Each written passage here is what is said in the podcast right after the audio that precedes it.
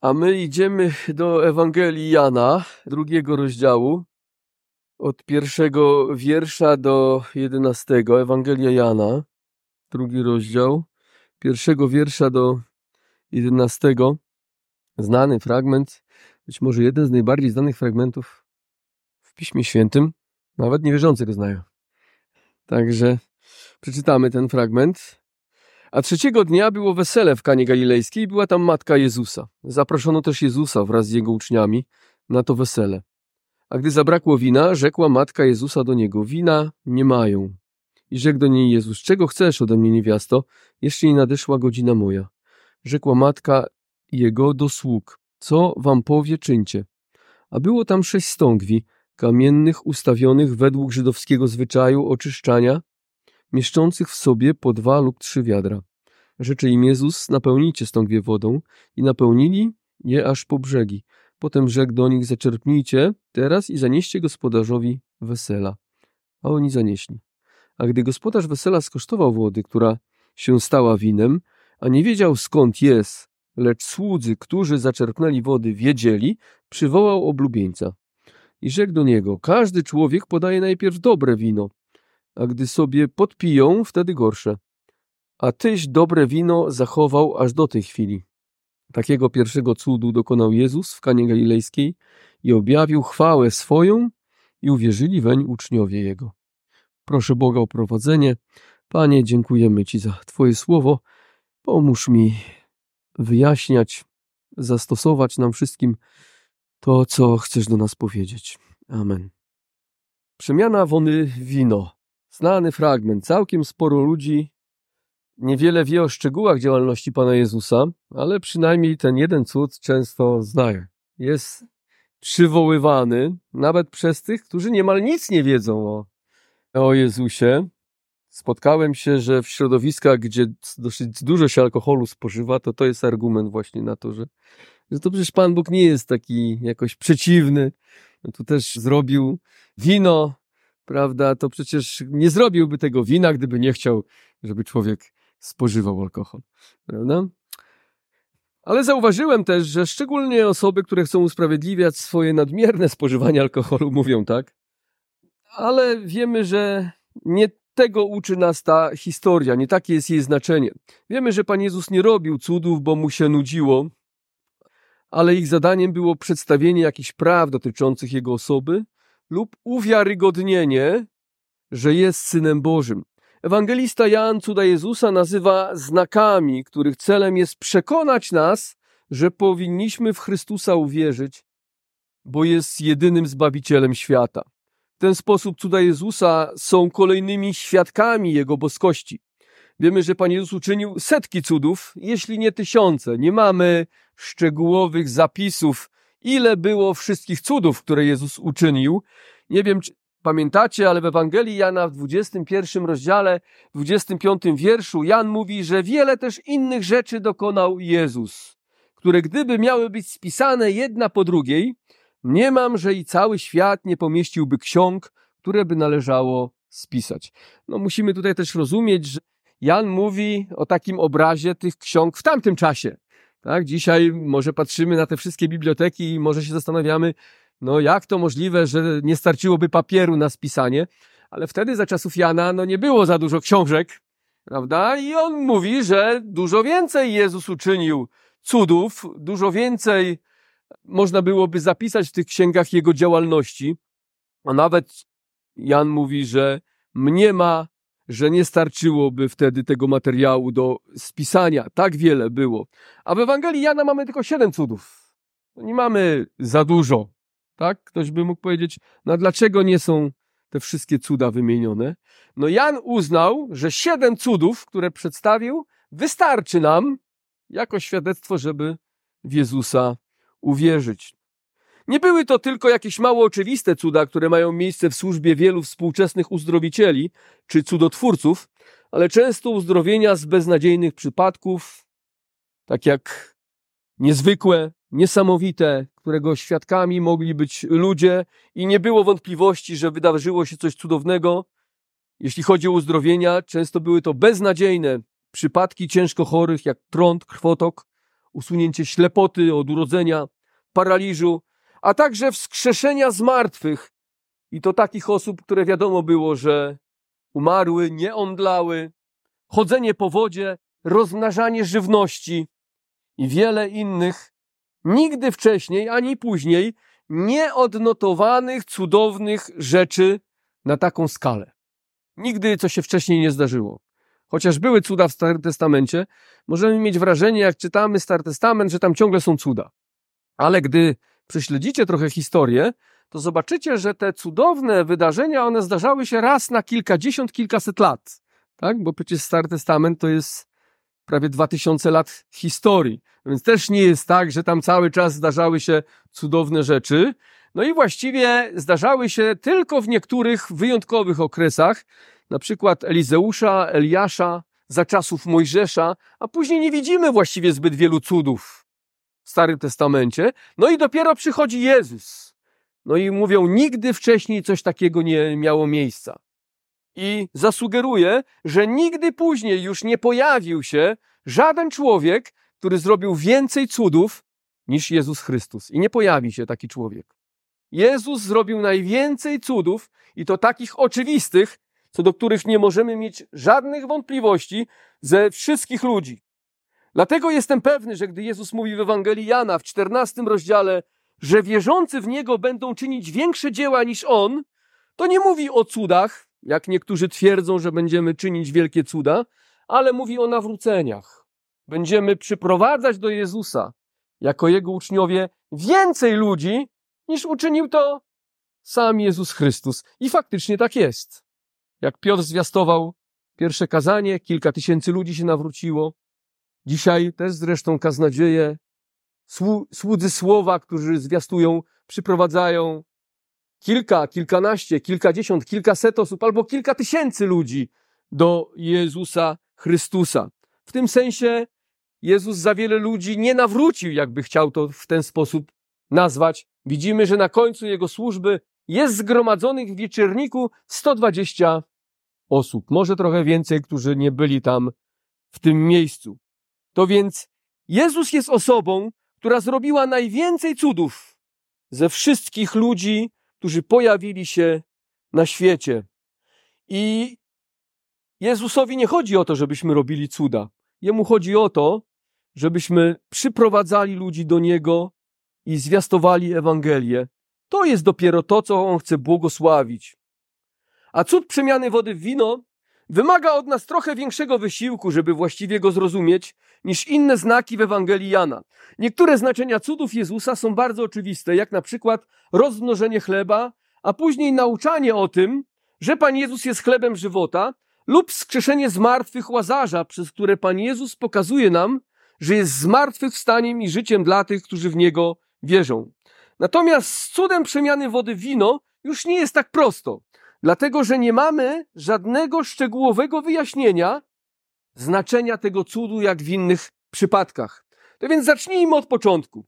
Widzimy, że po trzech dniach spotkania z Natanaelem, a trzeciego dnia było wesele w Kanie Galilejskiej, tak, i powołania wspomnianych wcześniej uczniów, Pan Jezus udaje się z uczniami na wesele. Tak mówi właśnie drugi wiersz że jego rodzina, uczniowie zostali tam zaproszeni. Kana Galilejska, w której miała miejsce ta uroczystość, była oddalona od Nazaretu, skąd Maria z Jezusem pochodzili, między 13 a 15 kilometrów. Nie było to daleko.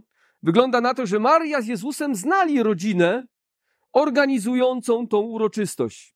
Wydaje się, że Maria była także zaangażowana do pomocy w organizacji tego wesela, bo przyszła do Pana Jezusa z problemem braku wina, czyli musiała o tym wiedzieć wcześniej.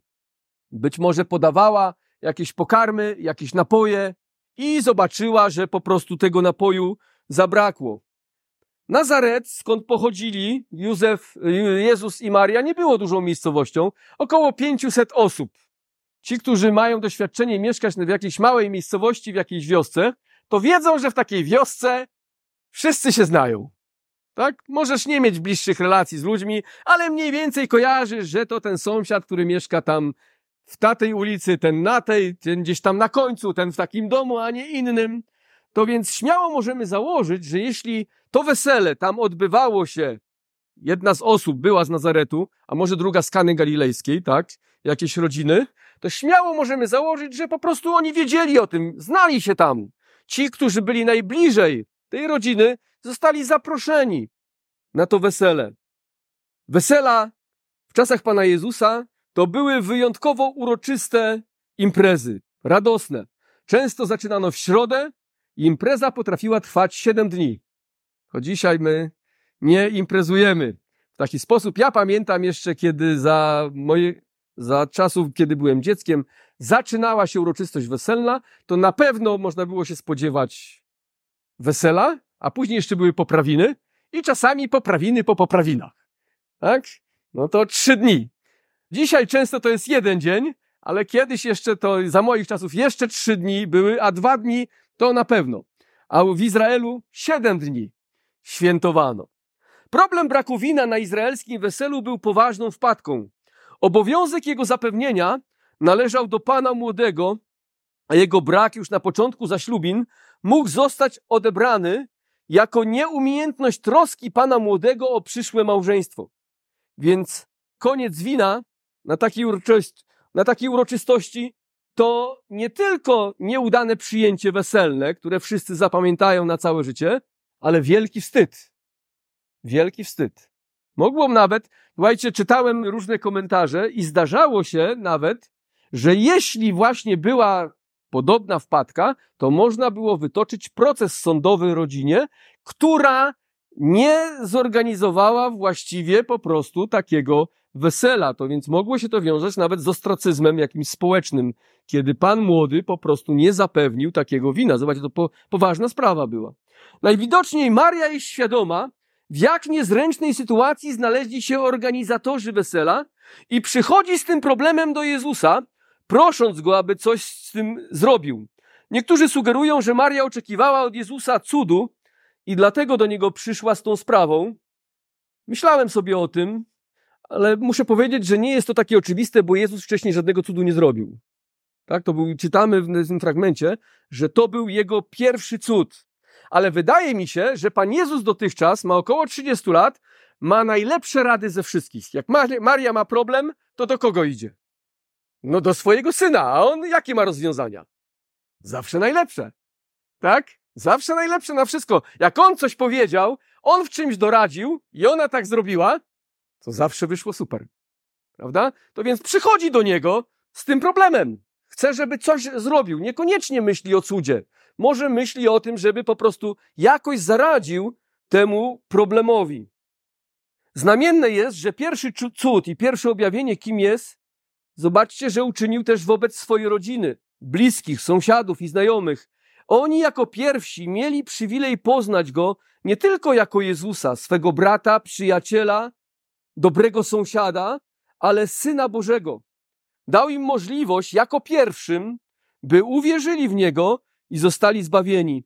To nam też pokazuje, jak On bardzo troszczył się o swoją rodzinę i o ich zbawienie.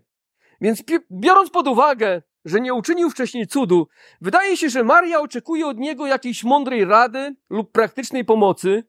Jest również oczywiście możliwe, że jakiegoś ponadnaturalnego działania. Wiedziała, że urodził się w cudowny sposób i przez około 30 lat z pewnością dał się jej poznać jako wyjątkowy człowiek.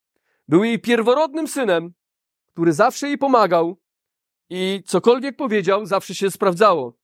Kościół rzymskokatolicki, opierając się na tym fragmencie, uczy, że powinniśmy korzystać z pośrednictwa Marii, gdy potrzebujemy o coś prosić Boga, bo Jezus posłuchał jej i pomógł tej rodzinie. Stąd twierdzenia, że jak prosimy Marię, i ona zaniesie nasze prośby do Jezusa, to syn jej nigdy nie odmówi.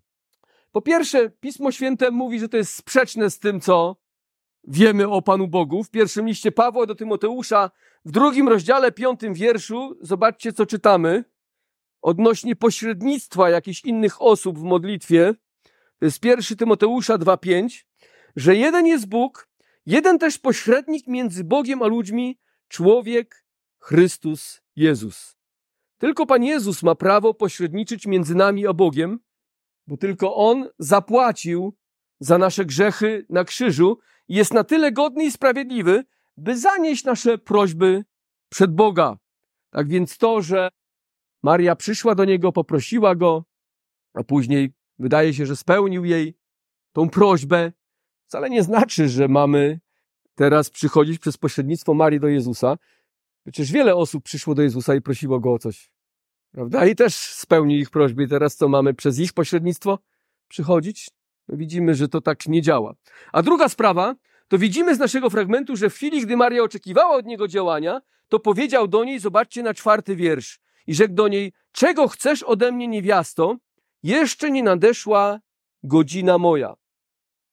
W ten sposób dał jej delikatnie znać, że nie ma ona już wpływu na jego wybory, ale od chwili, gdy zaczął swoją publiczną służbę, jest poddany całkowicie Ojcu. Nie wiem, czy pamiętacie, ale w Ewangelii Łukasza, kiedy oni idą do świątyni na święto, Jezus się gubi i oni go odnajdują, to tam jest powiedziane, że i był im poddany.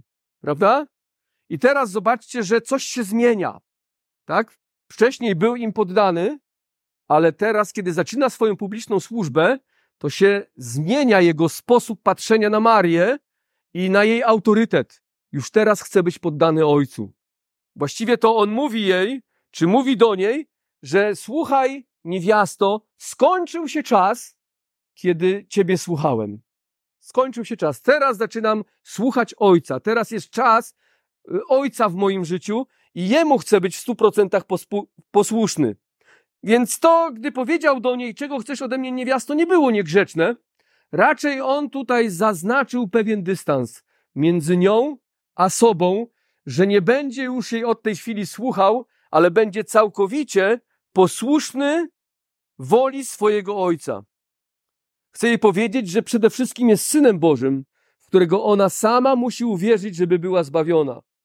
Wydaje mi się, gdyby tego dystansu też nie zaznaczył, to Maria mogłaby zawsze myśleć, że z samego faktu urodzenia Jezusa, no już będzie jakby miała przywileje u Pana Boga. Tak? To więc ten dystans też był konieczny i dobry dla niej, żeby jej pokazać, że ona musi po prostu uwierzyć też w swojego syna. I zobaczcie, jak to musiało być dla niej trudne, że musi uwierzyć w niego jako syna Bożego. Przecież to jest zawsze mój syn, ja go urodziłam. A teraz musi po prostu zmienić swoje patrzenie na niego i musi uwierzyć w niego jako zbawiciela. Z racji tego, że jest jego fizyczną matką, Jezus chce jej powiedzieć, że nie ma żadnych przywilejów u Boga. To na ziemi tak działa, ale w oczach Boga liczy się tylko duchowa rodzina. Jak powiedział Pan Jezus w dwunastym rozdziale Ewangelii Mateusza wobec Marii i swoich braci, że moją matką i braćmi są ci, którzy czynią wolę Ojca mego. Pamiętacie, apostoł Paweł mówi, że jeśli Jezusa znaliśmy według ciała, to już nie znamy. Być może tam byli tacy, którzy znali Jezusa według ciała, ale mówi, no to nie sprawia, że jak znałeś Jezusa według ciała, albo nawet, że Maria była matką Jezusa w sposób fizyczny i dała mu życie, to będzie zbawiona. Musi w niego uwierzyć. W czasie publicznej służby Pan Jezus ani razu nie zwraca się do Marii, mamo, zawsze mówi niewiasto, choćby w Ewangelii Jana 19, 25, 27. Nie daje również w ten sposób żadnych podstaw do kultu Marii, co tak często widzimy w naszym kraju. Jeśli rola Marii byłaby tak ważna, jak głosi Kościół rzymskokatolicki, to cud w Kanie Galilejskiej byłby dobrą okazją, żeby podkreślić jej osobę, a tymczasem Pan Jezus wykorzystuje to wydarzenie, by powiedzieć jej, że jej rola w Jego służbie się zakończyła. W rzeczywistości prawdziwa Maria nie chce, byś, chce żebyśmy słuchali Jezusa. Powiedział do, powiedziała do sług, czyńcie wszystko, co wam powie. Prawdziwa Maria kieruje nasze oczy na Jezusa Chrystusa.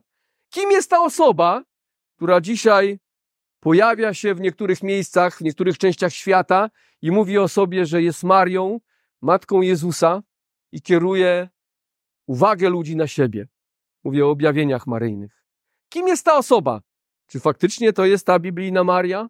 Prawdziwa Maria zawsze pragnęła, żeby ludzie oddawali cześć Chrystusowi.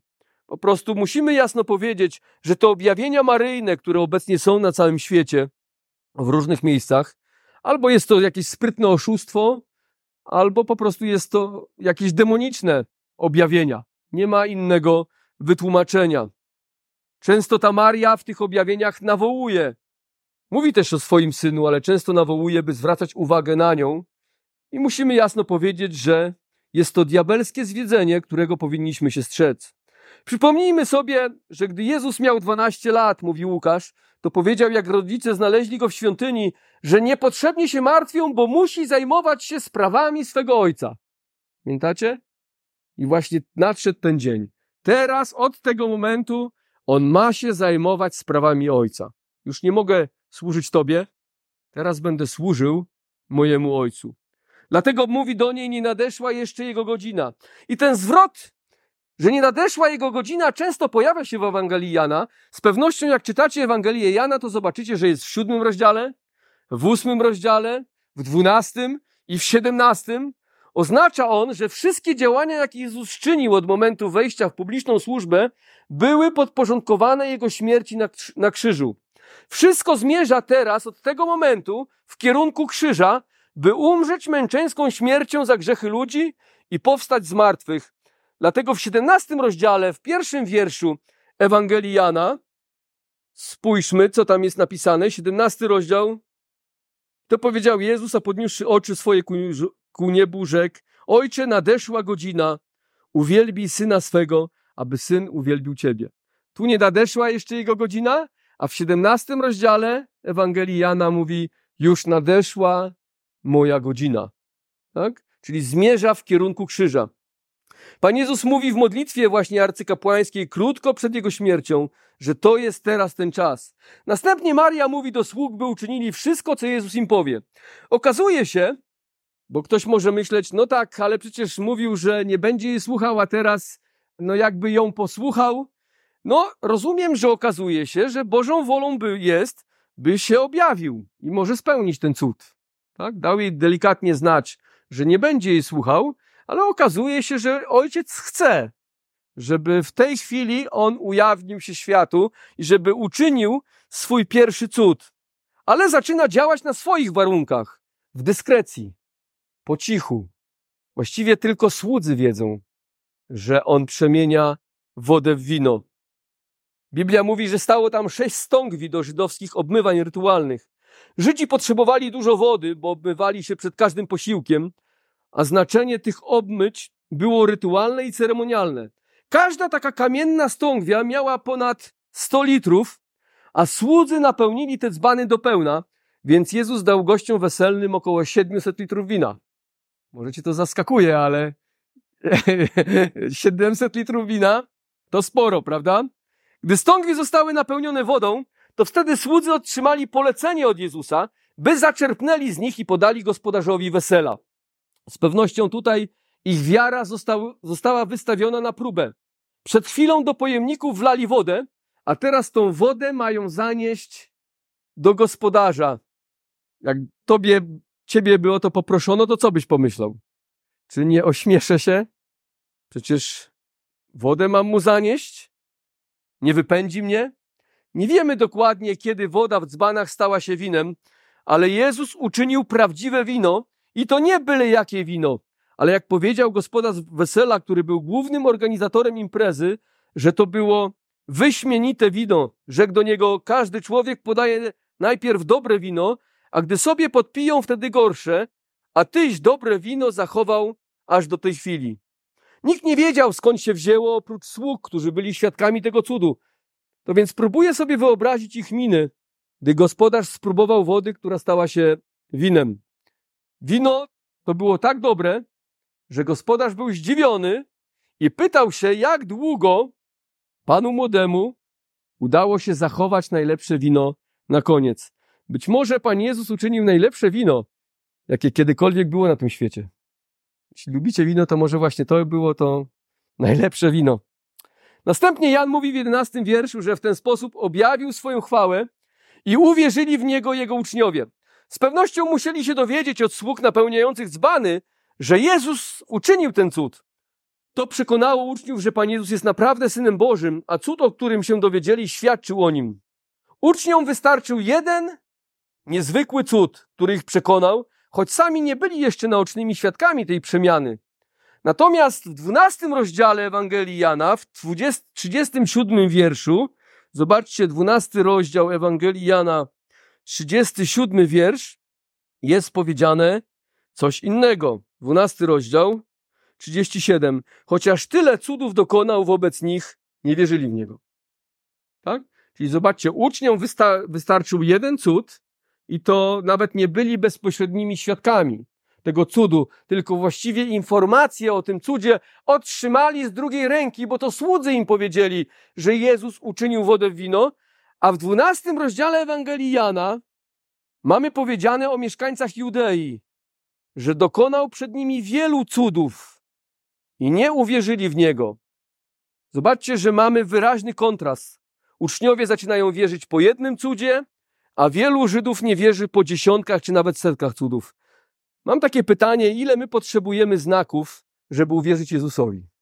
Ile ty potrzebujesz znaków, żeby uwierzyć Jezusowi? Potrzebujesz jednego cudu czy setek cudów? Jakie świadectwo Jezus musiałby nam dzisiaj dać, a może już dał, by okazać się dla ciebie wiarygodny? Czy nie jest tak, że wielu z nas uwierzyło, bo usłyszało o nim i nie byliśmy nawet świadkami jakichś spektakularnych cudów? Ale uwierzyliśmy Ewangelii, bo to, co mówi ona o Chrystusie, przekonało nas. Duch Święty przekonał nasze serca. Uwierzyliśmy w Jego świadectwo jak uczniowie, uwierzyliśmy w Jego zmartwychwstanie, zrozumieliśmy, że byliśmy grzesznikami, na których ciążył Boży gniew i nie byłoby nadziei dla nas bez Jezusa Chrystusa, nie byłoby ratunku. I być może nie potrzebujemy dodatkowych cudów, choć mamy je, mamy setki świadectw o Nim w Biblii że on był absolutnie wyjątkowy, tak bardzo różny od nas, a jednak do nas podobny. Mamy też osobiste doświadczenie naszych serc, Chrystusa w naszym życiu, a Duch Boży, który został nam darowany, zapewnia nas, że jesteśmy dziećmi Bożymi. Mamy również wedle Jego łaski odpowiedzi na modlitwy i świadectwa, jak cudownie nas prowadzi. Mamy to. A z kolei mamy innych, którym te cuda, co czynił, nie wystarczą. Nie wystarcza im pusty grób, nie wystarcza im zesłanie Ducha Świętego i założenie Kościoła. Nie wystarcza przemiana wody w wino i wskrzeszenie łazarza. Nie wystarcza im rozmnożenie chleba i chodzenie po wodzie, a także uciszenie burzy, uzdrawianie sparaliżowanych, trędowatych i ślepych. Z kolei mówią, że gdyby uczynił jeszcze jakiś cud przed nimi, to uwierzyliby. Mamy tych, którzy nie potrzebują wiele, potrzebują usłyszeć o nim. I mamy tych, przed którymi czyni setki cudów. I tak nie wierzą, ale mówią, że gdyby coś uczynił, jeszcze jeden cud, to bym uwierzył. Czy faktycznie tak by było? Czy kolejny cud przekonałby nieprzekonanych? Wątpię. Kiedyś Krzysztof Osiecki, nasz brat, który jest pastorem obecnie w Kartuzach, opowiadał mi historię. Historia jest z pierwszej ręki, bo ten przyjaciel, który był tam na misji, był świadkiem tego wydarzenia. Mówi, że była to jakaś wioska muzułmanów, gdzie misjonarz służył. No i był tam człowiek sparaliżowany od wielu lat. I miał przekonanie ten misjonarz, że powinien modlić się o tego człowieka wobec tych muzułmanów. I ten człowiek zostanie uzdrowiony.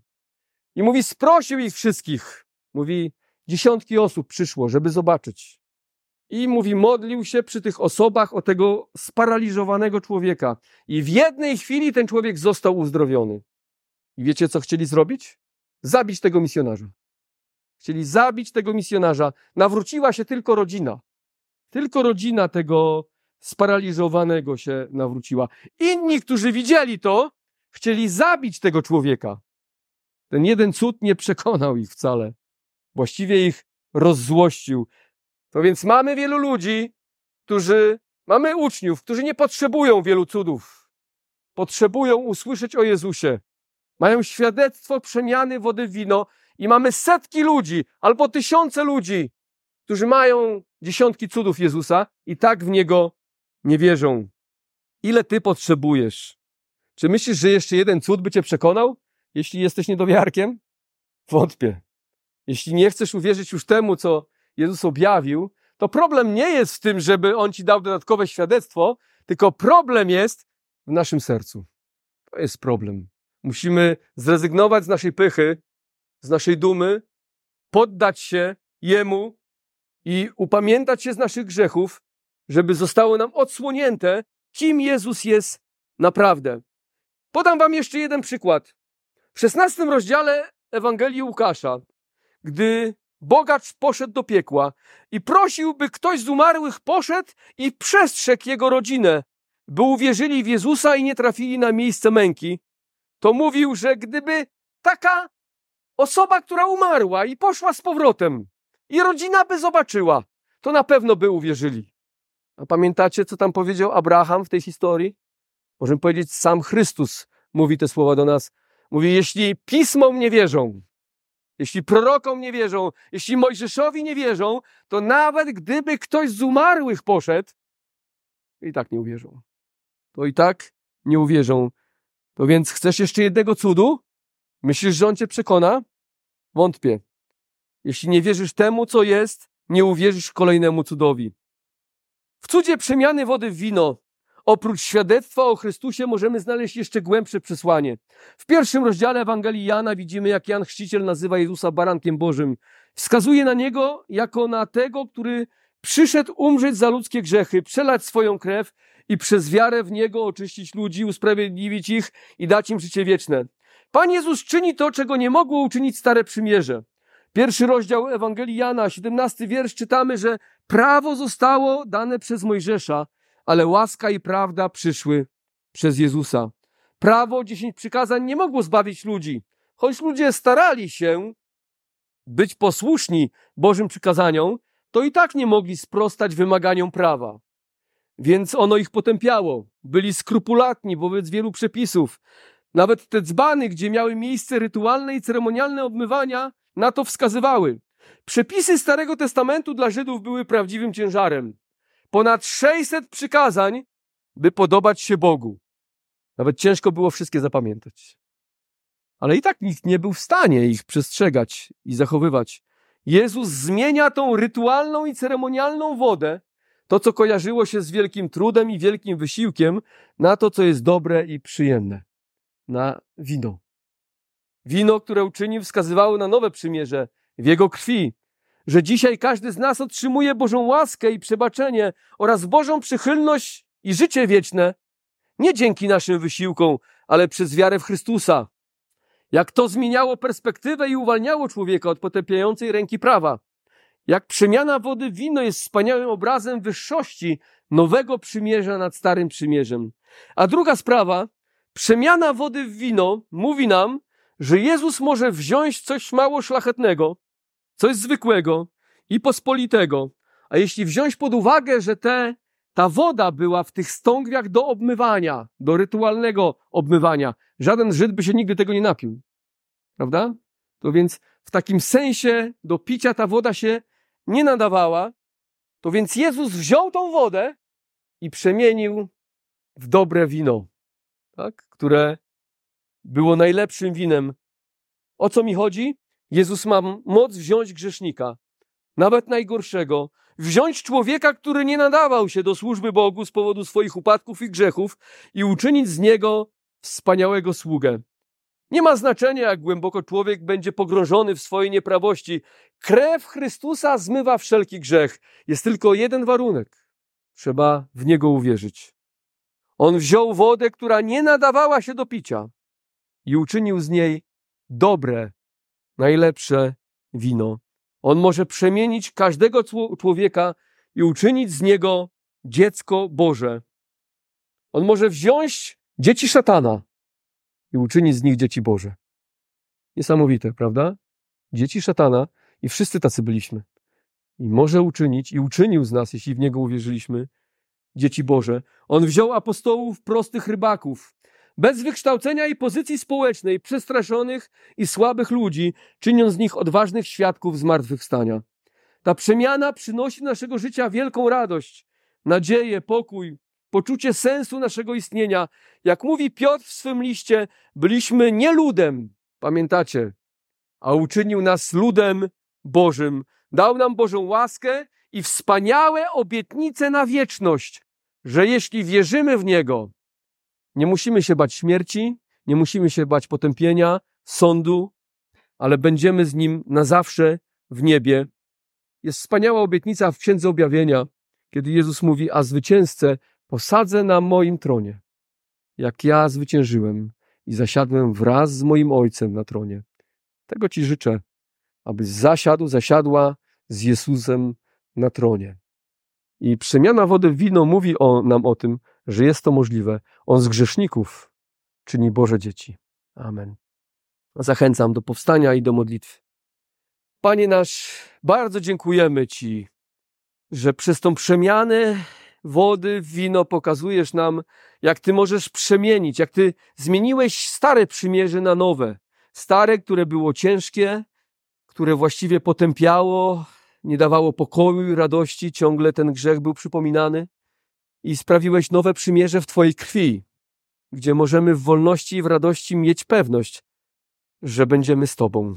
Panie, Ty możesz wziąć każdego człowieka i tutaj skala grzechów nie ma znaczenia, ale Panie, jeśli przyjdzie do Ciebie, jeśli uwierzy i przemienić go w Twoje dziecko i dziękujemy Ci. Ja Ci dziękuję, że w moim życiu tak zrobiłeś, w życiu wielu ludzi. A jeśli ktoś, Panie, tego nie doświadczył tutaj jeszcze, Panie, to proszę Cię, żeby tak się stało. Żeby z tej rytualnej, nie nadającej się wody do picia, żebyś uczynił wino. Coś szlachetnego, coś wspaniałego, coś dobrego. Amen.